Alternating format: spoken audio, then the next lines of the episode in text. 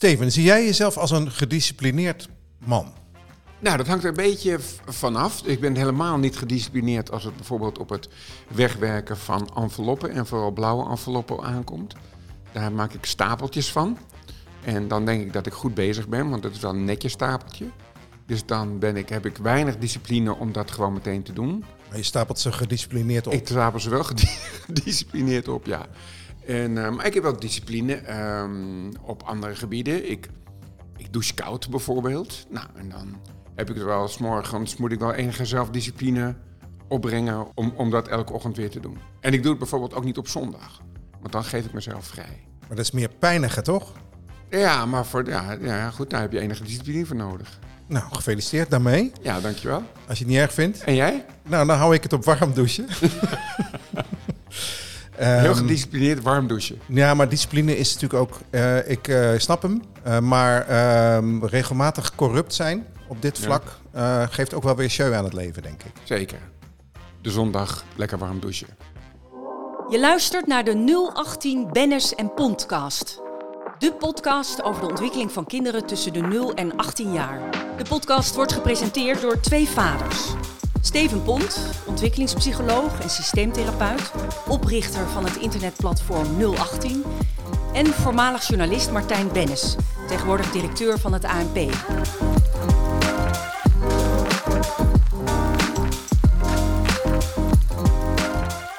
En heb jij nog een quote gevonden over zelfdiscipline? Uh, ja, over discipline. Uh, een hele korte van uh, Karel Appel, de schilder. Hij zei: Vrijheid is een grote discipline. Ja. Ik denk dat dat uh, iets te maken heeft met, uh, met zijn uh, schilderkunst. Hè. Dus je ziet daarin een hoop uh, vrijheid. maar sommige mensen denken dat hij maar wat deed. En dat is natuurlijk ook weer niet zo. Dus nee. de spanning tussen maar wat doen en discipline, hè, dus ergens toekomen, zit denk ik in die quote. Ben je het daarmee eens? Ja, ik denk dat vrijheid is niet de afwezigheid van grenzen. Dat, uh, maar goed, uh, mooie quote. Gaan we het over hebben? Precies. We gaan het vandaag hebben over zelfdiscipline. Wat dat te betekenen heeft in de ontwikkeling van kinderen. En welke rol ouders daarbij hebben. Zoals altijd is dat een belangrijk thema in deze podcast. Waarom is zelfdiscipline een belangrijk thema in jouw vak en ja. voor de opvoeding? Nou, toen we het hierover hadden, dacht ik, ja, discipline, weet je, het heeft een beetje een nare bijsmaak, toch? Discipline. Het is een beetje soldatenachtig. En toch is zelfdiscipline wel echt goed om over te hebben, omdat we gewoon weten, er is wederom veel onderzoek gedaan natuurlijk, dat uh, kinderen die veel zelfdiscipline hebben, dat dat gelukkiger kinderen zijn. En dat bedoelde ik net met dat vrijheid niet de afwezigheid is van grenzen, maar eigenlijk de acceptatie van de grenzen.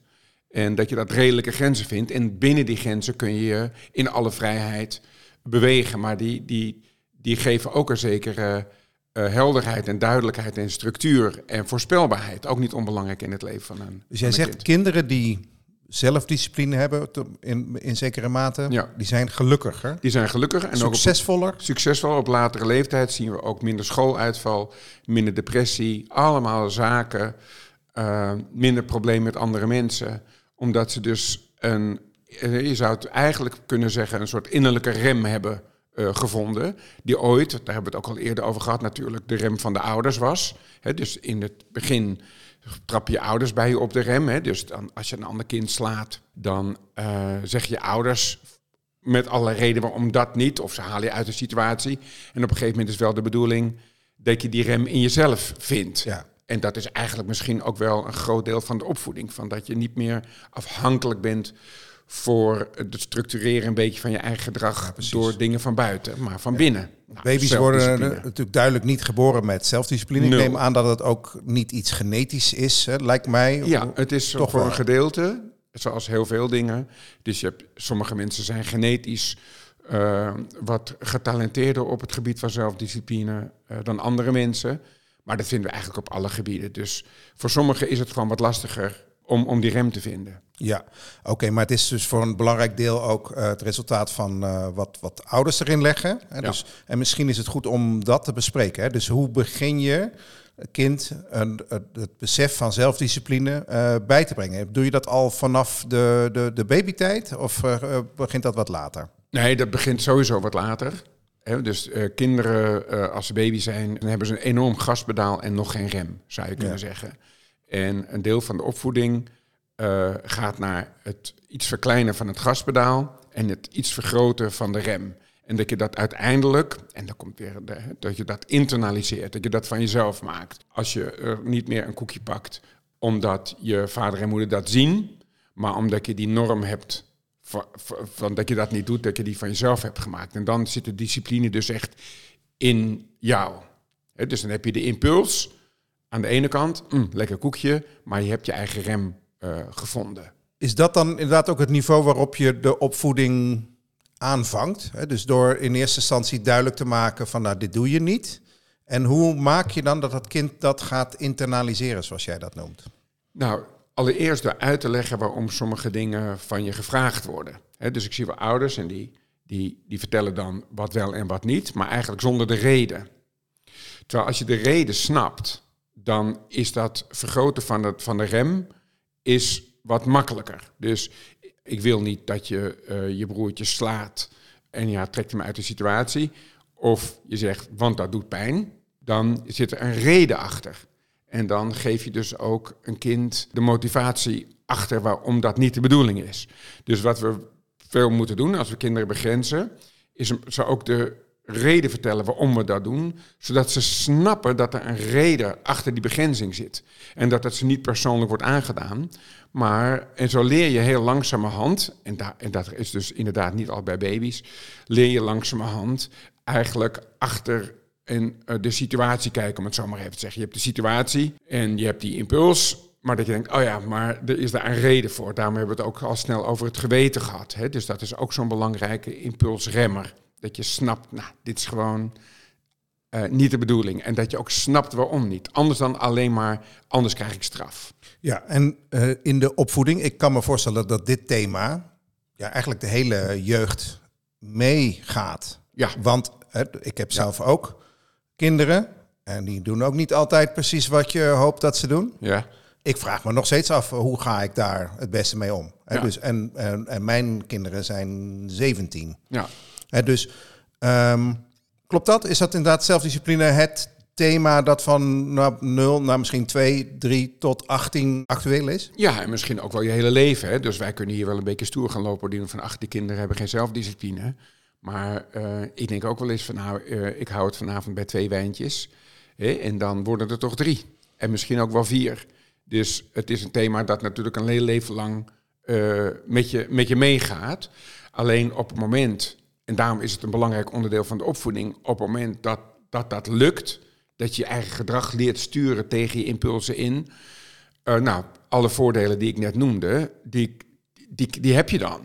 Nou, en daarom is het goed om het er toch over te hebben. En ook om het gewoon zelfdiscipline te noemen. Omdat het wel degelijk is wat het is. Het is een soort zelfafremming. Nou, en dat is heel moeilijk voor kinderen. Eh, en de eerste stap is dus, ik weet waarom die rem er is. Hè, dus dat, dat is onze taak, dat we dat vertellen. Tegelijkertijd, om niet alleen maar in een soort beperkende zin, eh, maar ook dus te waarderen op het moment dat het goed gaat. Dus je merkt dat je kind eigenlijk A zou willen, maar B doet, dat je, dat, dat je daar erkenning van geeft. Van, ik, ik zie, hè, van, je was eigenlijk heel erg boos, maar je hebt het goed opgelost. Hè, want je hebt nu niet geslagen. Tegelijkertijd, discipline, je zei net al, heeft ook iets, iets naars. Hè? Dus Ja. dat we afgericht worden, of Ja. kinderen africhten. Hè? Dus, Ja. en, en die wijntjes waar je het net over had, ik herken dat wel een klein beetje. Bedoel, Het heeft ook een beetje de show. En ik denk ook dat Karel Appel, hè, met zijn vrijheid Zeker. versus discipline, ehm, de vinger op de, op de goede plek legt. Ja, Want je zou ook niet willen dat discipline altijd de enige factor is in, in een leven. Want nee dan hoor, wordt het ook Nee, het wel... is een van de thema's. En eh, er is een onderzoeker, die heet Michael Inslicht, en die heeft het ook over self-control fatigue. Wat eigenlijk betekent, hè, dus de zelfcontrole moeheid. En dat we kinderen niet de hele dag door kunnen vragen om aan die zelfcontrole eh, te voldoen. Want zo werken kinderen nu eenmaal niet. Wat niet wil zeggen dat het geen thema is. En eh, dat het belangrijk voor ons is om daar een thema van te maken. Bijvoorbeeld bij mijn eigen kinderen ehm, weet ik nog dat ik op een dag ook de, de, de balans heb uitgelegd tussen vrijheid en verantwoordelijkheid. En de verantwoordelijkheid gaat natuurlijk over die discipline. Dat je, dat je jezelf verantwoordelijk maakt voor iets. En dat als zij dus meer vrijheid wilden, dat ze dat eigenlijk in hun eigen hand hadden.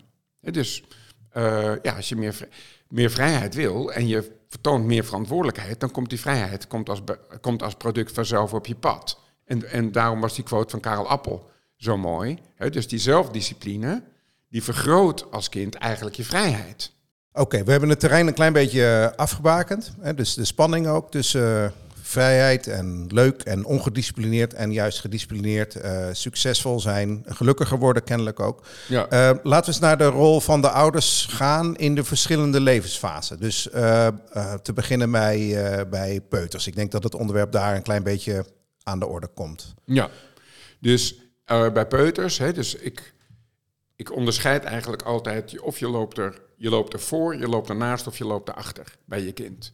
En bij peuters loop je er nog sterk voor. Dus uh, dan ben jij eigenlijk de, de disciplineerder, hè? dus jij geeft de grenzen aan. En kinderen van die leeftijd snappen nog niet helemaal uh, waarom. Je kunt het wel uitleggen, maar ze snappen natuurlijk nog niet alles. Hè? Dus je kan, je, als een kind de straat over wil rennen, dan is die impuls heel erg groot. En de zelfdiscipline om op een dag eerst naar links en rechts en nog een keer naar, naar links te kijken, moet je geloof ik. Zoiets, hè? Dus naar, Eerst naar links, ja, dan naar rechts en nog een keer naar links. Ehm, dat is verworven gedrag, hè? dus dat moet worden, worden aangeleerd. Dus uh, eerst is het, is het dan van ons en dan loop je er duidelijk voor. En uh, dan leef je het leven ook voor. Hè? Dus dat ook een belangrijke kanaal van, belangrijk kanaal van zelfdiscipline is dat je andere mensen dat ook ziet doen. Dus ja. Dus in zekere zin een makkelijke fase voor de ouders, omdat het nog een hele duidelijke rolverdeling is. Jij doet het voor, en dan wordt kind uh, een jaar of zes, ja, zeven, acht. Hè? Dus, en dan, dan, verlang je al wat meer. Maar uh, kun je daar eens op ingaan? Wat, wat... Ja, dan loop je er, uh, dan loop je er wat meer naast. Dus in het begin loop je ervoor, dan, dan 7, 8 loop je er wat meer naast. Dan is het verstandig om niet dingen voor ze te regelen die ze zelf al kunnen regelen. Een kind van 9 of 10, die kan echt zijn eigen brood klaarmaken. En er is eigenlijk geen reden om dat niet te doen. En dan zeg je, ja, maar ik vind het leuk en dat snap ik ook. Maar met sommige dingen moet je al op een wat jongere leeftijd starten. Waarom? Omdat als je pas, pas met zelfdiscipline begint, zo wat veel ouders denk ik doen, zo rond het begin van de puberteit, dan is dat ook meteen een bron van verzet. Terwijl als ze al op jonge leeftijd heel erg het leven aan henzelf gegeven wordt wat ze aankunnen, dan uh, stuur je eigen leven. Daar komt het eigenlijk op neer. Dus uh, het was ook wel grappig, omdat toen, toen, toen dat gebeurde, kwam, uh, kwam mijn jongste kwam thuis en er was een jongetje, die was daar tegenover hem, en die had tegen hem gezegd, echt, jam. En toen had hij gezegd, wist jij vanmorgen dan niet dat je niet van aardbeien jam houdt? Toen had het jongetje gezegd, ja, maar mijn moeder heeft het klaargemaakt hè? Je moeder? Maar, want die maakte zijn eigen brood klaar. En toen kwam hij thuis en toen vond hij dat eigenlijk wel stoer. Dat hij merkte dat er nog heel veel kinderen in zijn klas dat mama het brood maakte. Maar dat zij dus al die verantwoordelijkheid had gekregen voor het maken van, uh, van zijn eigen brood. Dus je kunt al vrij jong beginnen met uh, kinderen zelf hun beslissingen laten nemen. En zelfs als het, wat we ook wel suboptimaal, hè, dus niet het meest als het een eigen beslissing is en er vloeit verder geen bloed uit, om het zo maar even te zeggen, laat dan je kind dat besluit verder uitvoeren. Ook al kan het sneller of hoger of beter, maar je krijgt je, ja, je winst van de zelfstandigheid. Je, juist. Hè? Dus, en, en, en, en dan krijg je dus die, die verantwoordelijkheid daarvoor. En daar is die discipline natuurlijk voor nodig. Maar waar, de ouder, waar veel ouders, ik in ieder geval wel, uh, zich altijd afvragen, ja, wat wel en wat niet. Hè? Dus een kind van acht zelf laten bepalen hoe laat het naar bed gaat, misschien niet zo'n goed idee, nee. denk ik. Nee. Of, um, dus kun je daar iets algemeens over zeggen? Dus wat, wat, wat, wanneer ga je te ver in het uh, zelfstandig laten beoordelen? Ja. En het zelfstandig laten begrenzen dus eigenlijk van wat het kind doet. Ja, nou, een kind leert vooral door de ervaring. He, dus uh, kind, we leren op twee manieren eigenlijk. Dat is door de ervaring of door de instructie. En we zijn, wel een beetje instructieverslaafd geraakt met z'n allen. Dat we heel graag willen zeggen, je moet het zo en zo en zo doen. Terwijl, uh, dus we willen voorkomen dat een kind in de sloot valt. Ik zeg maar wat. Terwijl op het moment dat we een kind met een zwemdiploma uiteraard, uh, dat niet te veel tegenhouden en een kind valt een keer in de sloot, op dat moment wordt de zelfdiscipline een volgende keer, hè, dus het sturen van je eigen beslissingen, wordt eigenlijk op een veel natuurlijke manier ontwikkeld. ontwikkeld. Dankjewel. Wordt op een veel natuurlijke manier. Dan dat je uh, steeds naar de instructie moet luisteren. We zijn heel bang dat het fout gaat. Terwijl voor die zelfdiscipline, hè, dus dat je, dat je het motortje in jezelf aanzet en niet meer afhankelijk bent van, van anderen, uh, is de ervaring eigenlijk de beste leerweg. Nou, en zo leer je jezelf afremmen de volgende keer. En dat is ook een metafoor, bedoel ik daarmee. De, de volgende keer, dan vind je de rem in jezelf. Dan denk je, oh ja, vorige keer viel ik in de sloot. Dus eigenlijk, als jij zeven keer dat voorkomt... Ik wil niet de zeurende vader zijn. Dus hoe gaan we, hoe gaan we dit doen? En, en, en daarmee dus veel Jij moet ervoor zorgen dat ik niet de zeurende vader ben. Ja. Op een gegeven moment worden kinderen wat kunnen ouder. we ervoor zorgen? hè? Kunnen we ervoor Ja. zorgen, ja. Maar dus voorlopen, naastlopen, achterlopen. Hè. Dus ik denk dat achterlopen, eh, dat is als de zelfstandigheid groter is. Ja. Hè. Dus een beetje puberleeftijd. Ja, of op jongere leeftijd, als een kind iets zelfstandig kan, je kan erachter, dan kun je weer op andere dingen eh, op tafel leggen, waar je eerst ervoor loopt en dan daarnaast en dan daarachter. Ja. Ik denk dat veel ouders van pubers eh, ook wel zien dat de zelfdiscipline dan misschien een eh, wa- wat mindere periode doormaakt. Ja, en daarom denk ik ook wel dat het goed is om daar jong mee te beginnen. Denk aan dat broodvoorbeeld. Hè, dus dat je steeds kijkt, oké, wat is net nog ingewikkeld? Dus dat, dat, wordt, dat noemen we ook wel de zone van naastgelegen ontwikkeling. Dus, dus je hebt een gebied wat je beheerst. Je hebt een gebied dat je niet beheerst, dat is daarbuiten. En er, er, zit een, net een randje om dat gebied wat je beheerst, ehm, wat, wat fout moet mogen gaan. Nou, en, eh, of, of, of iets wat, wat besproken wordt. Iets wat, oké, hoe, hoe ga je dat doen? Oké, maar dat snap ik. Dus je moet het voor zijn. Maar stel voor je hebt een kind van 16, 17, die legt weinig zelfdiscipline aan de dag. Heb je dan als ouder nog een rol?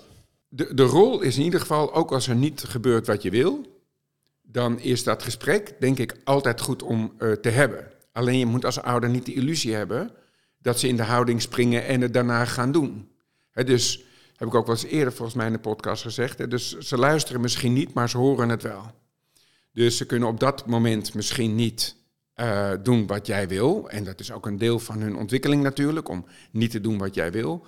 Maar dat je ze wel, dat, dat, het, dat het gesprek erover wel eh, mogelijk is. Nou, en daarom ben ik er een groot voorstander van, omdat dus, wat ik net ook al zei, op jonge leeftijd eh, niet alles voor ze op te lossen of weg te nemen of over te nemen, maar om ze zelf verantwoordelijk te maken voor datgene wat ze, wat, wat ze aankunnen. En eh, wij, wij, wij vertalen zorg vaak als liefde. Dus het- eigenlijk kunnen ze het al zelf. Hè, dus We ik doen zie het ook- voor ze, ja. Maar we doen het wel voor ze. Dus ik zie ook wel ouders de- met een meisje van negen of een jongetje van tien en of fietsen. En dan ligt nog zo'n hand op die schouder. Ja, ehm, daarmee is dat kind dus niet, eh, is, wordt minder verantwoordelijk voor het eigen fietsen. Terwijl het in mijn ogen wel al, hè, dus dan loop je er nog voor eigenlijk. Terwijl het best als zonder handje naast kan fietsen. Ja, ja, dat is een ver- verkeerd ingevulde liefde eigenlijk. Ja, ja. Ja. Eigenlijk is wat jij zegt, tenminste ik interpreteer dat, loslaten begint eigenlijk al heel vroeg. Niet de dag dat het kind het huis uitgaat, maar Nee. dat loslaten is al begonnen ja. op de driejarige leeftijd. In Precies. En dat loslaten, daarmee geef je verantwoordelijkheid aan, aan, aan het kind. Op leeftijdsadequaat niveau natuurlijk. En daarmee, als het dan fout gaat, hè, en er vloeit geen bloed uit, dus dat is nog steeds jouw verantwoordelijkheid, want dan moet je ervoor lopen. Eh, dan leert het kind dus van het leven zelf eh, waar het gas kan geven en waar het beter kan remmen. In plaats van dat jij als ouder steeds die rol hebt. Dat het te lang extern blijft. Dat het niet van, nou, zolang het niet wordt verboden door mijn omgeving, dan blijf ik het doen. Ehm, dus bijvoorbeeld op het gebied van pubers. Ehm, dus tegen je kind zeggen, moet jij niet eens aan je huiswerk? Dan is het vanaf dat moment van jou. Ik heb nooit tegen mijn kinderen, moet jij eens aan je huiswerk? Nou, dan komen er een paar drietjes en een paar tweetjes. En dan denk ik, oh, wacht even. Dus dat is de consequentie. Ik ben volledig beschikbaar voor overhoren en wat dan niet. Maar ja, jouw huiswerk, dat is van jou. Maar ik denk dat heel veel ouders het ook voelen als van hen. Precies. En dat voelen ze ook echt zo. Hè? Het is mijn kind. En ik denk Ja. met luisteraars van deze podcast ook wel eens gaan denken: ja, wat heb ik eventueel verkeerd gedaan? Bijvoorbeeld rond het onderwerp disciplineren of zelfdiscipline ontwikkelen. Nou, wat kan ik nog even, wat kan ik veranderen? Wat, hè, dus wat, wat, wat kan ik anders doen? Ja. En ik denk dat dus eh, meer verantwoordelijkheid geven eh, eh, uiteindelijk heel steunend is voor de zelfdiscipline, omdat dan de rem uiteindelijk in jezelf wordt aangezet. Oké, laten we nog heel even kijken. Wanneer hebben we een probleem? In de zin, het is een heel natuurlijk proces wat jij nu schetst. Hè, met eh, ouders die een ontwikkeling doormaken en eigenlijk simultaan daarmee hun kinderen. Eh, maar wanneer zou je zeggen, hier is toch wel een probleem ontstaan en wat kunnen we daar dan eventueel nog aan doen? Oké. Nou, in ieder geval door eh, het gesprek gemeenschappelijk te maken. Dus te zeggen, oké, dit speelt, hoe gaan we hiermee om? Wat ik net ook al zei. Hè? Dus we zeggen, ja, maar het is niet van jou. Dus uh, zeg van, oké, we gaan nu naar eh, oma. Hoe zorgen we ervoor dat... Nou, en dus de we. En zeg, uh, in plaats van, ik wil niet dat je... Want dan, is het een, dan wordt het een, een, een regel.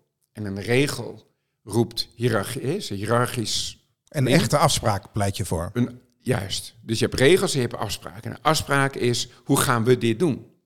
En daarmee duw je dus ook een deel van de verantwoordelijkheid terug. Namelijk, die is niet 100% van jou, die is ook niet 100% van je kind, maar die is 100% hoort die in de relatie thuis. Van hoe gaan we dat doen?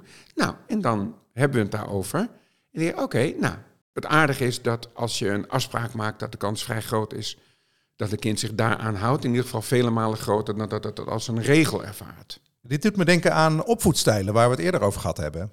En je hebt de, de autoritaire ouders, dus die Ja. Schrijven voor en die laten het dus eigenlijk niet gebeuren. De verantwoordelijkheid wordt niet overgedragen. Andersom, de permissieve de, was het. de, de discipline dus helemaal bij de ouders vandaan. Precies. En bij de permissieve leg je het veel te vroeg helemaal bij de kinderen neer. Ja. Dus dan kun je niet zo heel veel Dat is die zelfdiscipline. grenzeloosheid van Karel Appel. Hè? Van, eh, van, eh, grenzeloosheid.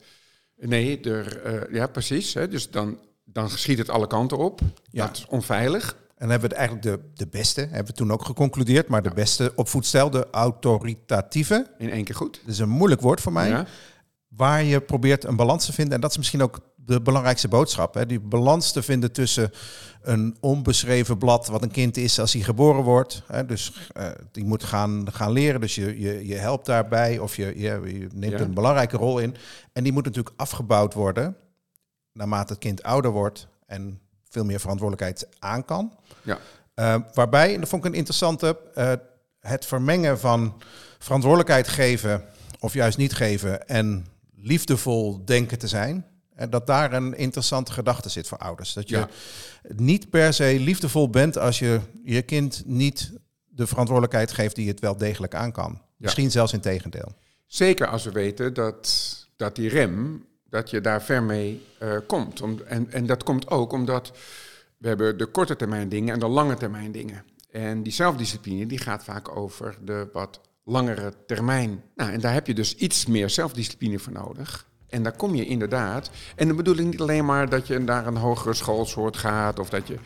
Maar uh, dat je daarmee wat stabieler in het leven komt te staan. Ja. Nou, dat blijkt uit onderzoek. Dus het is daarmee een beetje ingewikkeld woord, maar wel belangrijk. Dus ouders, ben ook wel eens liefdevol door iets uh, niet uh, te gaan doen Zeker. voor je kinderen. Ja. Zeker. Dat is een mooie gedachte. Ja. Je hebt geluisterd naar de 018 Bennis en Podcast. Heb je vragen of suggesties? Mail dan naar podcast.018.nl 018 schrijf je als NUL en dan het getal 18.